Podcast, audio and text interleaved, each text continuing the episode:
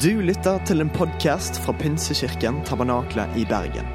Vi tror at kirken skal være en plass hvor mennesker trives gjennom alle livets faser.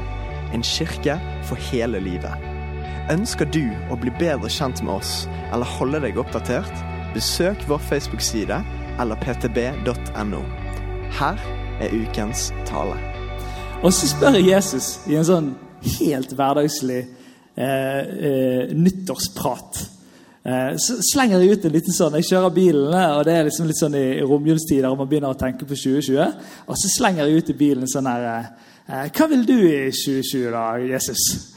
Eh, og Av og til har jeg noen sånne fine, helt naturlige liksom, stunder på den måten. Og så får jeg tilbake en sånn uh, fin eh, linje som jeg da opplever at Jesus sier til meg. Og Det er ikke noen stemmer inne i bildet, her, eller sånn, men det er en opplevelse av at han sier Vil du være sammen med meg? Og så begynner jeg å le for meg sjøl i bilen. For jeg får sånn barneskoleassosiasjon til sånn skoledansen der han, kompisen min ble sammen med hun ene på skoledansen.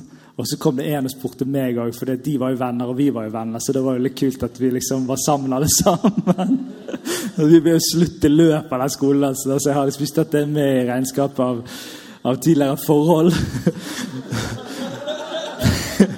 Men vi, jeg, jeg, tror faktisk Jesus ler litt av den sesjonen, for det blir litt så fin stemning i bilen. da. Eh, og så blir det litt sånn, sånn ja, men liksom, Vi har jo snakket om mye kule ting vi skal gjøre i 2020. Jesus. Hva med alle de tingene som vi liksom har pratet om og, og liksom fundert sammen om? Det var ikke noe mer. Og så får jeg en type sånn her Ja, men vil du være sammen med meg? Hjemme hos oss nå så har vi en treåring som er i sin beste alder. Han sier nei stort sett hele dagen. Men jeg har funnet ut én ting som jeg synes er gøy, og det er å hjelpe meg å ta veden oppi vedkorgen. Eh, og min ved er det gamle huset som jeg brenner. Så det er en viss, uh, viss terapeutisk uh, opplevelse i det. Og den legger jeg oppi, så fra en pose oppi kurven. Og jeg sier til han liksom, ok, kan du gjøre dette her? Og han liksom ja, ja, pappa, det kan jeg gjøre. Og han går bort, og jeg gjør litt noen andre greier. Og så hører jeg bare han rope sånn 'Pappa!' Og så snur jeg meg, så står han sånn som dette her. Jeg tuller ikke. Han står sånn.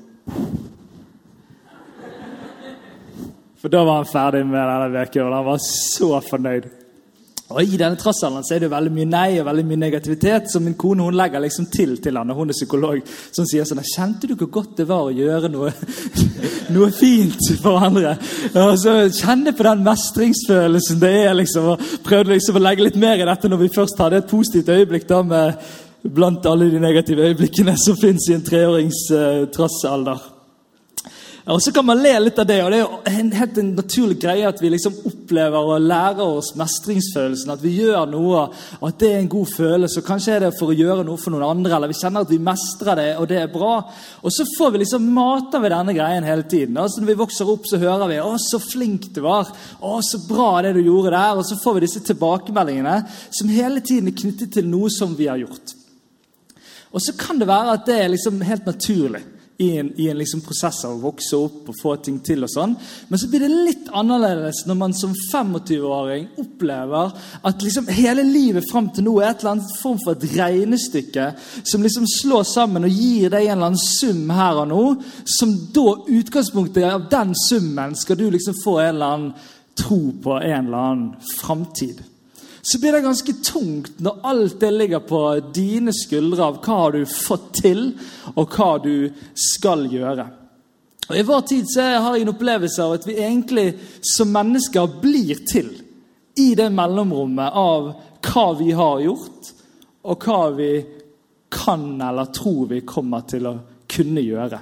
Og så blir det definisjonen av oss, et eller annet regnestykke av hva som har vært, som gir en eller annen tanke om det som ligger foran. Og så vet vi at det er ganske tungt å bære. Og at det kan bli ganske slitsomt hvis hele min selvfølelse, hele mitt jeg, er avhengig av en eller annen tid som har vært, av et eller annet løp med karakterer, eller hva det skulle være om det er andre stunder i livet enn som 25-åring.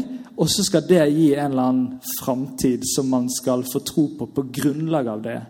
Da kan det fort bli tungt på skuldrene våre.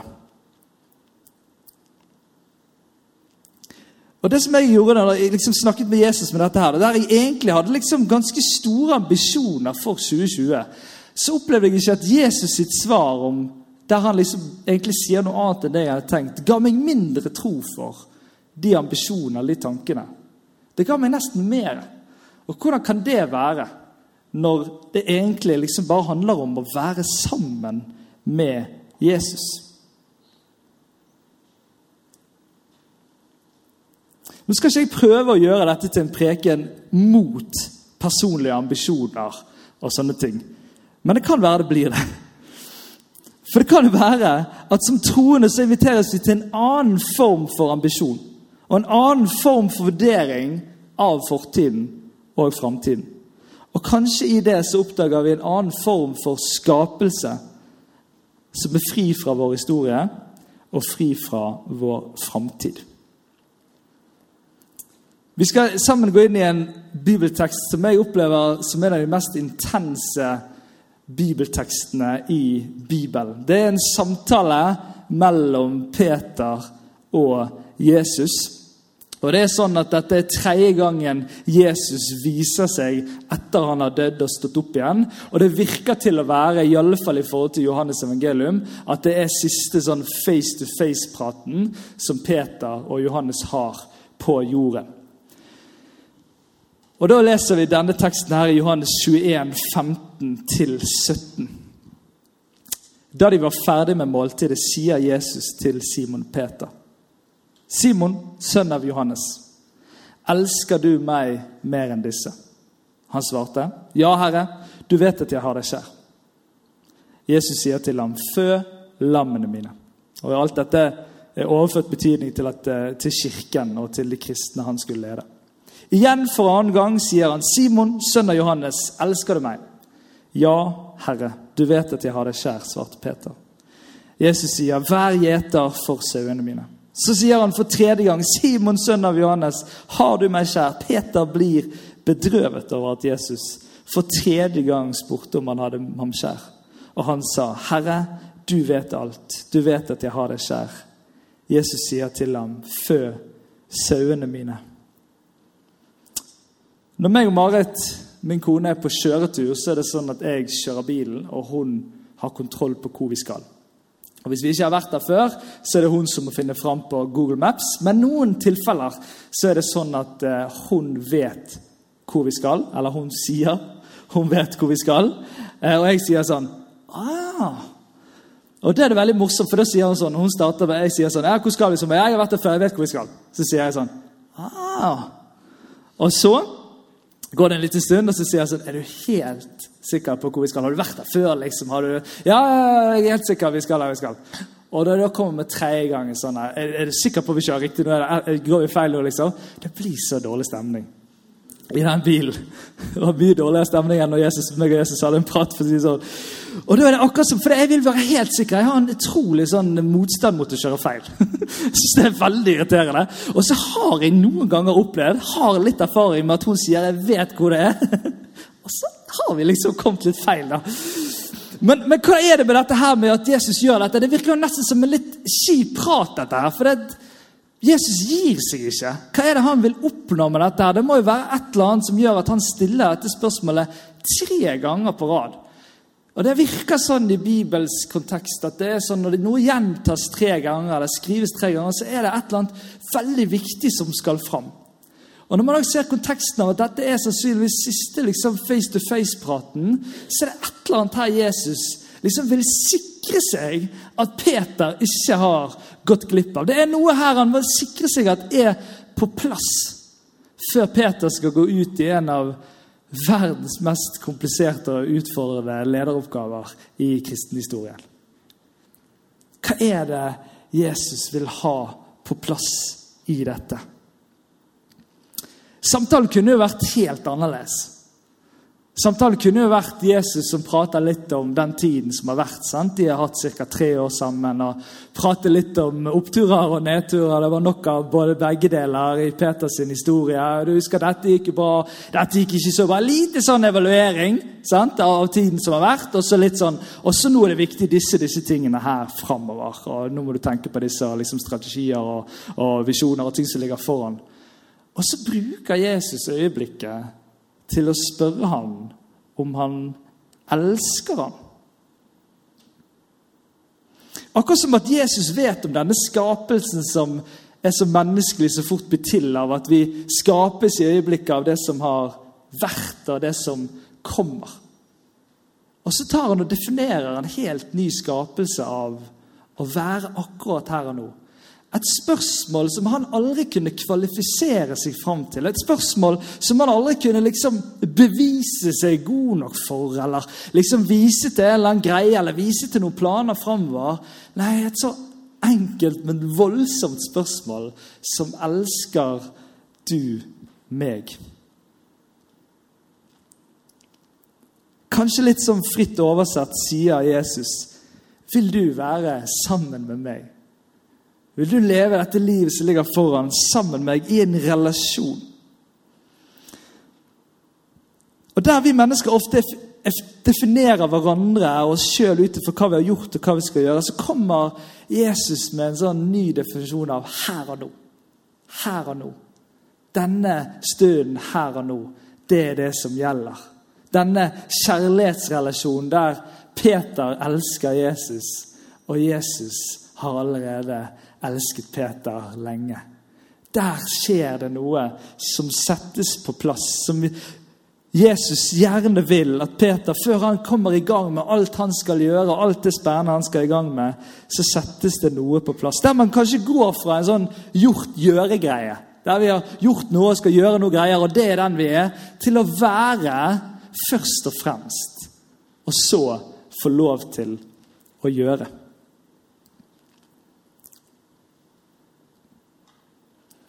Og jeg tror kanskje dette er noe av noen av det beste nøkkelen til friheten i å leve sammen med Jesus her på jorden. Jeg tror det er så mye frihet i dette. Jeg håper at du kan få tak i noe av det i løpet av de minuttene som ligger foran.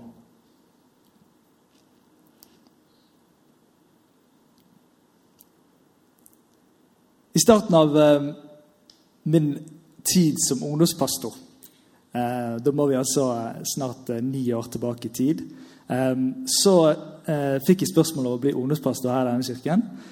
og så gikk en ganske sånn lang sommer med en veldig sånn opplevelse av å liksom hele tiden vurdere meg sjøl. om jeg var klar for den oppgaven som lå foran. Jeg er ganske sånn voldsom sånn eh, kvalitetsvurdering av alt jeg hadde vært med på tidligere. Og samtidig også en sånn veldig sånn tanke om liksom, hva kan jeg gjøre. Og det lå litt sånn forventninger i luften. liksom, Ny, uh, ny pastor inne, hva skal han gjøre? liksom, Andre gjort disse disse tingene. Alle disse menneskelige uh, elementene som fort kommer inn når man går inn i noe nytt. Og det var sånn at det var, det var greit, men jeg kjente meg utrolig sånn resultatorientert. Jeg gikk gjennom alle resultatene jeg hadde fått til. liksom. Jeg som minte meg selv, ja, men det der, husker du det der, husker du det? Og så hadde jeg jo veldig sånn ja, men kan jeg tenke hvis jeg får til dette, får til dette, får til dette? Og så setter jeg meg ned og så leser jeg en gammel kristen ledelsesbok som heter 'Veivisere', skrevet av Magnus Malm. Og så, Mens jeg leser den boken, så blir jeg satt så grundig på plass av Gud. For det er et eller annet med dette gjort-gjøre, dette som handler om at vi defineres på den måten eh, som mennesker, som gjør at alt vi skal gjøre, lander på våre egne skuldre. Og det er som at Hvis man tar det inn i kristenlivet, så blir jeg veldig stor, og så blir Gud ganske liten. Og Jeg skal være ganske så ærlig på å si at det verkte ganske godt på mine skuldre i denne fasen.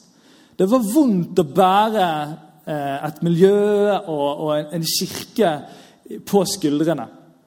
Og, Jeg husker fortsatt opplevelsen av å våkne om morgenen med en sånn klump i magen som gjorde at det, liksom, det, var, det var fysisk vondt å våkne om morgenen i den fasen. Fordi at jeg hadde liksom tatt på meg alt dette greiene her. Og hadde det fortsatt på den måten, så hadde jeg ikke stått her i dag. Og hvis det hadde fortsatt og jeg hadde stått her i dag, så hadde jeg løpt langt vekk fra meg sjøl. For da tror jeg jeg hadde vært en ganske farlig leder. Fordi at da hadde man, Det er noe som skjer når man blir veldig opptatt av det jeg har gjort og det jeg skal få til, som gjør at man begynner å klamre seg til en rolle, man klamrer seg til en selvfølelse knyttet til det man har gjort eller det man skal få til, som gjør at man kan ende ganske dårlig. Ikke bare i kristent lederskap, men i livet generelt.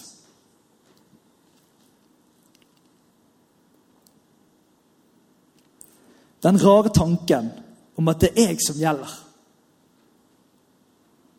og at Gud skal liksom bli med på greiene mine. Mitt prosjekt. Jeg husker jeg satt i en sånn gammel fluktstol. Vet ikke om du vet hva det er. En sånn strandstolting. I en hage i Loddefjord prestegård.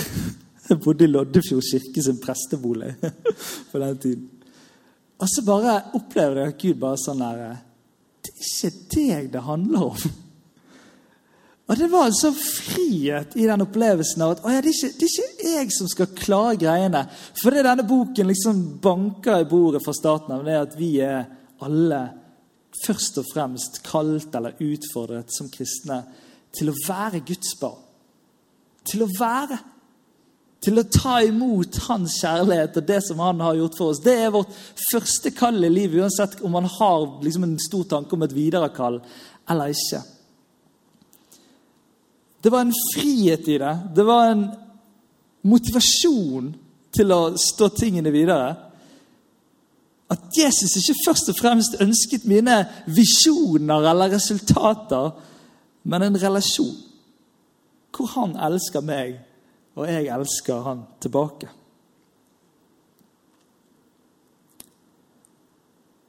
Jeg blir liten, og Gud blir stor.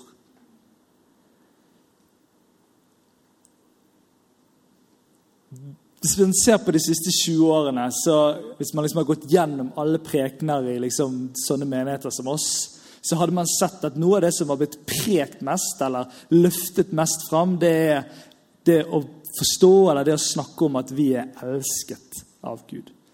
Det ser man ganske tydelig. Det har vært en veldig tydelig respons på en litt annen type forkynnelse før der igjen, som gjør at man har fokusert veldig mye på dette at vi er elsket. Og Det er kjempebra at vi har snakket masse om det. Og så tror jeg at vi noen ganger har overvurdert hvor mye ord kan si noe eller gjøre noe i forhold til forståelsen av at man er elsket. Og Det er litt som med oppdragelse med barn. Vi har jo fyrt mye hjemme i peisen. Og Det betyr at barna våre var så små at de, ikke, de skjønte ikke alltid sant? det, at de ikke måtte komme borti. Selv om vi sa jo det veldig mange ganger. Sant? Vi sa jo det hele tiden og tenkte at hvis vi bare sier det hele tiden, så forstår de det til slutt. Men det var jo veldig effektivt når min sønn dro opp eh, genseren og skulle varme magen på ruten, liksom. På greiene. Og nå ville ikke vi at han skulle få den opplevelsen. sant? Det var for å si det veldig tydelig. Men det er jo helt klart at det var jo en enorm erfaring. Han har jo ikke vært i nærheten av den ovnen noen gang etterpå. sant? Fordi han erfarte det og Kan det være i dette med å forstå eller skjønne eller oppleve at vi er elsket av Gud, så trenger vi kanskje litt mer erfaring og litt mindre tro på at det er ordene, greiene, det er tankene, ordene, ordene, ting som skal komme liksom hele tiden. Og Hvis vi bare, hvis vi bare, hvis vi bare tenker nok og skjønner nok, og noen sier det nok ganger, så blir det liksom en erfaring. Kanskje ikke det er helt sånn vi er skrudd sammen alltid. Og ironisk nok så tror jeg faktisk at det å gjøre er nøkkelen til å forstå mer av det å være. Og Nå skal vi lese en av de beste være-gjøre-tekstene. Hvis du er stresset på dette være-gjøre-greiene og ikke føler deg helt, så håper jeg du får noe ut av det likevel. Som står i Johannes 15, 4-5, og så videre i vers 9-13. Bli i meg, så blir jeg i dere. Slik som greinene ikke kan bære frukt av seg selv, men bare hvis den blir på vintreet. Slik kan heller ikke dere bære frukt hvis dere ikke blir i meg. Jeg er vintreet, dere er greinene. Den som blir i meg og jeg i ham, bærer mye frukt. For uten meg kan dere ingenting gjøre. Helt tydelig være. Så tydelig at det går ikke an å gjøre uten å være. Så tydelig i det her. Og så kommer gjøre videre i vers 9. Som far har elsket meg, har jeg elsket dere. Bli i min kjærlighet. Hvis dere holder mine bud, blir dere i min kjærlighet, slik jeg har holdt min fars bud og blir i hans kjærlighet. Dette har jeg sagt dere for at min glede kan være dere, og deres glede kan bli fullkommen. Og Dette er mitt bud. Dere skal elske hverandre som jeg har elsket dere. Ingen har større kjærlighet enn den som gir sitt liv for sine venner. Det kan se ut til at å gjøre ut ifra å være vil forsterke væredelen. Jeg tar det en gang til. Det kan se ut til at å gjøre ut ifra posisjonen av å være kan forsterke forståelsen av det å være. Altså det at man forstår at vi er elsket og verdifull uansett. Styrkes gjennom å følge Guds vilje, gjennom å gå på det som han har for oss, og styrkes gjennom at vi elsker andre med den samme kjærligheten. Her kan det være det er noen ganger litt mangel på erfaring. Noen ganger så tror jeg at vi har blitt så opptatt av ordene og tankene og kanskje øyeblikkene i et møte eller på en konferanse at det har liksom blitt holdepunktene for troen vår. Og Da ser vi dessverre det at når livet virkelig blir tøft, sånn som vi leser om på bønnelappene i dag, når livet virkelig treffer, så virker det ikke til å holde. Det holder ikke helt. og Derfor er det veldig mange som sliter i troen sin mellom 20 og 30 år. fordi at Der er det så mange ting som ofte treffer livet, og man ser også ting veldig tydelig. Man blir ikke skjermet på noen slags måte. Det virker ikke helt å holde. Kanskje trenger vi òg litt flere erfaringer, eller, eller å leite etter de erfaringene vi allerede har. For det kan virke som at pga. noen manglende erfaringer av hvem Gud, Gud sier at han er, og noen erfaringer som nesten kan virke som at de peker imot den Gud er, så er vi i frykten av å ikke helt stole på hvem Gud er, så holder vi litt tilbake. Og så prøver vi å bare være i denne væredelen og liksom prøve å finne ut hvordan det er å være der. Og så tør vi ikke helt å gå på det, for vi kanskje ikke stoler helt på at Gud er den han sier han er. Disse erfaringene som peker på noe av det motsatte, de vil komme til oss alle i livet. Det går ikke an å leve skjermet fra at noe skjer som tydelig oppleves som mot Guds vilje, som tydelig oppleves som at det ikke burde skje noen gang. Det kommer til å treffe oss alle. Fordi vi lever i en brutt verden. Sånn er det. Og Derfor så tror jeg ikke det er opplevelser eller øyeblikk vi trenger å lengte mer etter, men kanskje erfaringer. Der erfaringer er over tid. Der man kan se litt tilbake og se at ja, Gud var faktisk med. Ja, det var en forskjell. Hvis jeg hadde tatt Gud ut av det bildet, så hadde det sett helt annerledes ut. Disse erfaringene som, som gjør at vi ikke bare liksom opplever eller kjenner at Gud er nær, men vi ser det i livet vårt. Og der vi kanskje tør å gå på ting. Som ikke bare handler om at vi liksom kjenner det i øyeblikket, men vi tror det er rett. Og så går vi på det. Vi tror det er godt, og derfor så handler vi på det skaper noen sånne erfaringer av at Gud elsker oss, at han er nær, at han er trofast, at han er nådefull.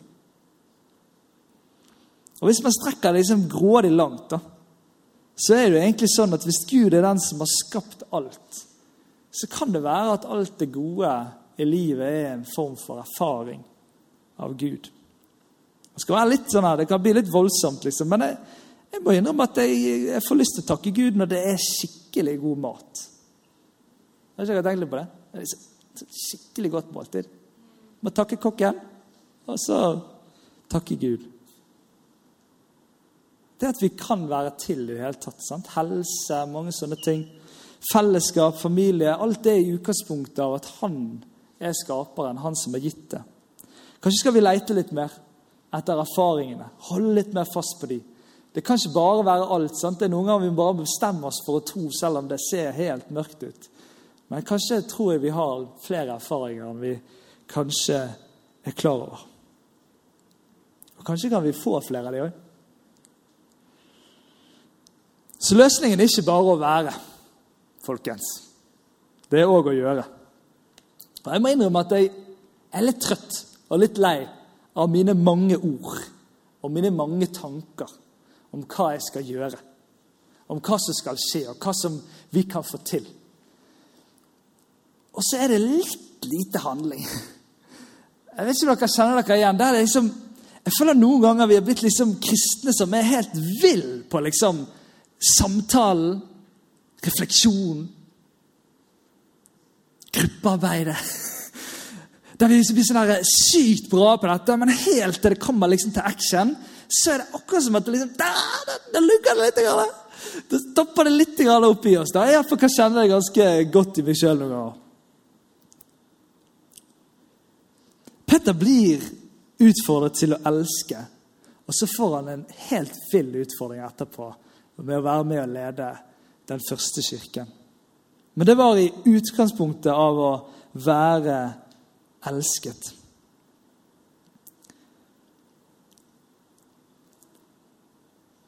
Når det snakkes om fruktene i Bibelen, så er det veldig sånne gjøreting.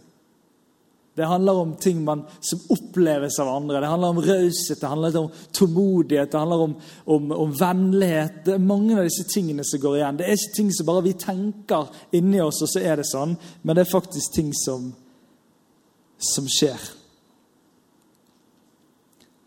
Jeg har vært på, på julegaveshopping noen år eh, og kjøpt gave til min kone.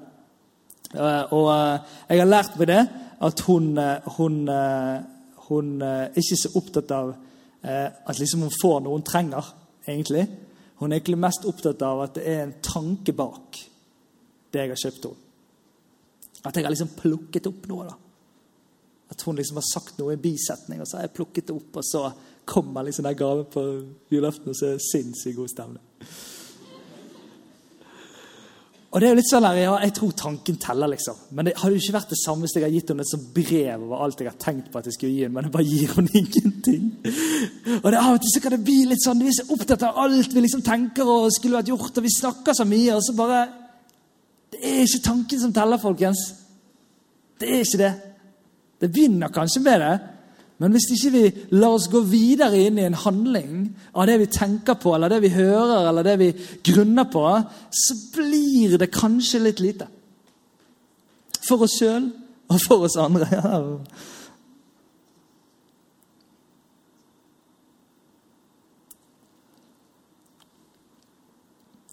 Jeg tror at hvis vi sier ja til spørsmålet som Jesus jeg tror spør oss alle vil du være sammen med meg, så kommer vi til å kjenne på at det våkner noe ting inni oss. Plutselig kjenner vi kjærlighet for noen mennesker som, som vi skal gjøre noe for. Plutselig kjenner vi noe for en sak, eller plutselig kjenner vi noe i forhold til noe som vi vil være med og bidra med. Plutselig kjenner vi, altså Det skjer noe sånne ting av å være sammen med Jesus. Da. Det er akkurat som at hans vilje og det han vil i denne verden, smitter oss, og vi, vi får lyst til å være med på det.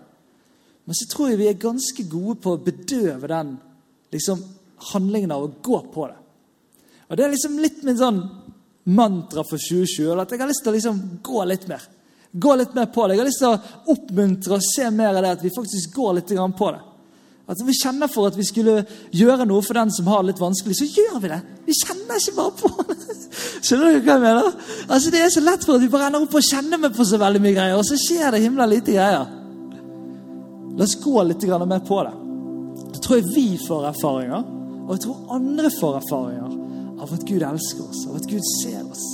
Det er kanskje noe av det sterkeste jeg opplever når jeg sjøl tør å gå på ting og bekrefte og gjøre noe spesielt for noen, at de opplever seg sett og elsket av Gud. Det er noe av det sterkeste jeg får være med på som kristen. Samtalen mellom Peter og Johannes, den avs- nei, Peter og Jesus avsluttes med at Jesus sier 'følg meg'. Og Det er det kristenlivet er. Det er å få være og være hans elskede. Og få lov til å gå sammen med han. Og så får vi lov til å gå der som han går. Inn i de tingene som han går. Og de oppdager vi litt når vi er sammen med han.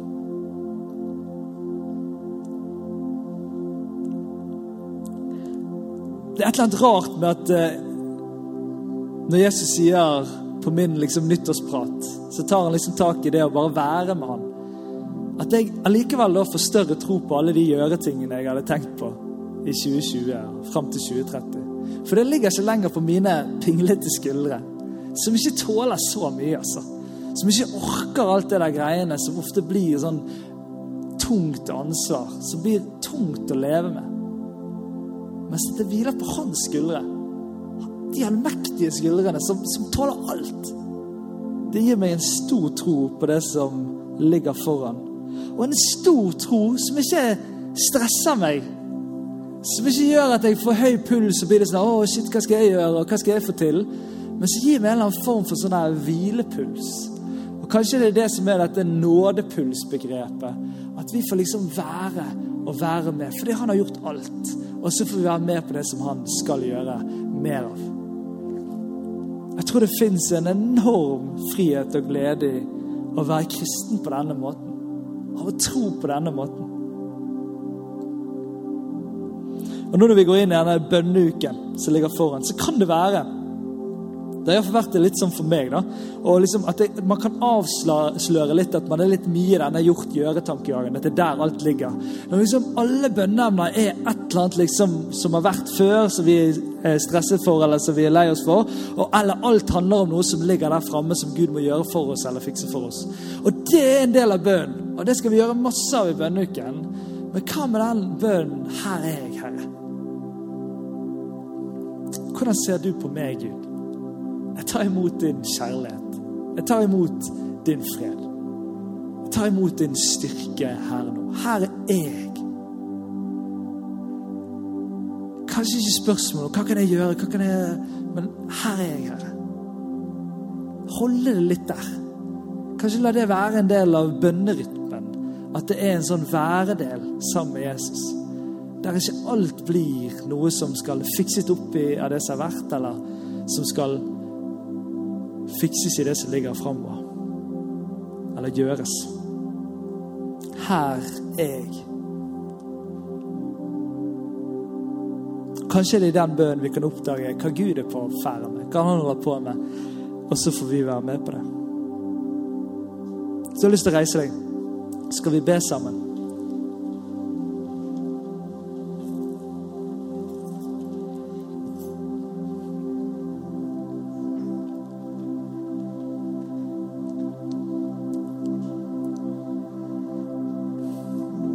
Skal ikke forsøke å liksom gjøre denne kvelden liksom, sånn at det skal liksom bety alt. Men, men, jeg tror det er et eller annet i du som kjemper med dette, og stoler på at Gud elsker deg. At det gjør at liksom det blir noen sånne følgefeiler videre i kristenlivet. Alt blir en, en, kamp om å bevise seg, eller alt blir liksom en sånn ork-greie. Så jeg har jeg så lyst at du skal her i kveld og i de ukene som ligger foran, åpne deg opp for å få erfare at Gud elsker deg. Og kanskje òg leite litt i fortellinga om det fins noen sånne synlige tegn av at han elsker deg. Noen synlige erfaringer, noen levde erfaringer i det. Så jeg har lyst til å be for deg her og nå. Kanskje kan du oppleve det her og nå òg. Kanskje kan du oppleve når du kommer hjem. Kanskje det er en lengre reise. Jeg vet ikke. Dette er litt vanskelig. Ikke noe science på det. Men det jeg vet, er at han elsker deg. Og så tror jeg vi trenger òg erfaring med det. Så hvis du blir med her, så skal jeg be. Og så har jeg lyst til at du skal ha en stund med deg sjøl. Sammen med Gud. Hvor er du i dette? Hvor er du på være gjøre-skalaen som jeg har prøvd å sette fram med? Kanskje er det fint i en sånn overgang til et nytt år å finne posisjonen igjen. Senke skuldrene litt. Ikke stresse så grådig med det som verden stresser med, og ambisjoner og alt dette greiene der. Men finne ut eh, hva du kan få være med på. Og Peter fikk være med på det sykeste prosjektet i verden. Og vi står her som en del av arven som han fikk være med på. Så det betyr ikke at vi ikke skal tenke stort, men la oss begynne med å være. Herre, jeg ber om at du eh, kommer her. Takk for at du er her. Du kommer med ditt nærvær. At du treffer oss som et fellesskap, men òg som enkeltmennesker.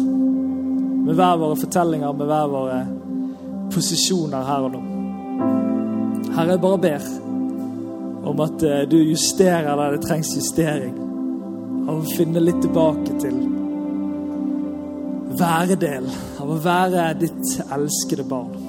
Og ut ifra det få lov til å gjøre så ber jeg om at du òg forflytter noen av oss som har gravd oss inn i denne gjøregreien. Der alt blir det. Om det er på skole, eller om det er i kirke, eller om det er i relasjoner, så er alt et kappløp om å få gjort mest mulig, eller noe hektiske greier. Herre, kom med din fred. Kom med din fred som overgår all forstand.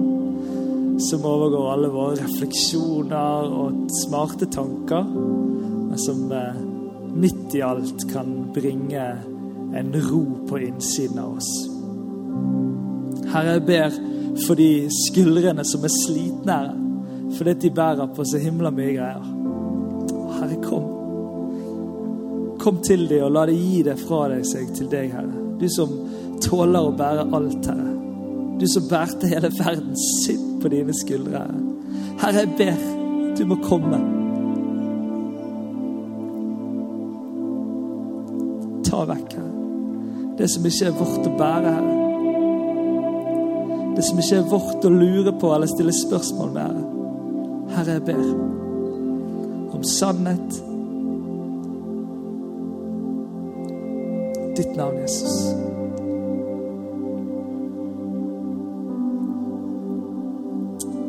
Gi oss dine tanker for dette året, Herre. Gi oss dine tanker for tiden som ligger foran. Gi oss dine tanker for 2030. Gi oss dine tanker, Herre. La oss få gå i det som du har allerede planlagt. I den hvilepulsen, i den nådepulsen det er å følge deg, Herre Jesus.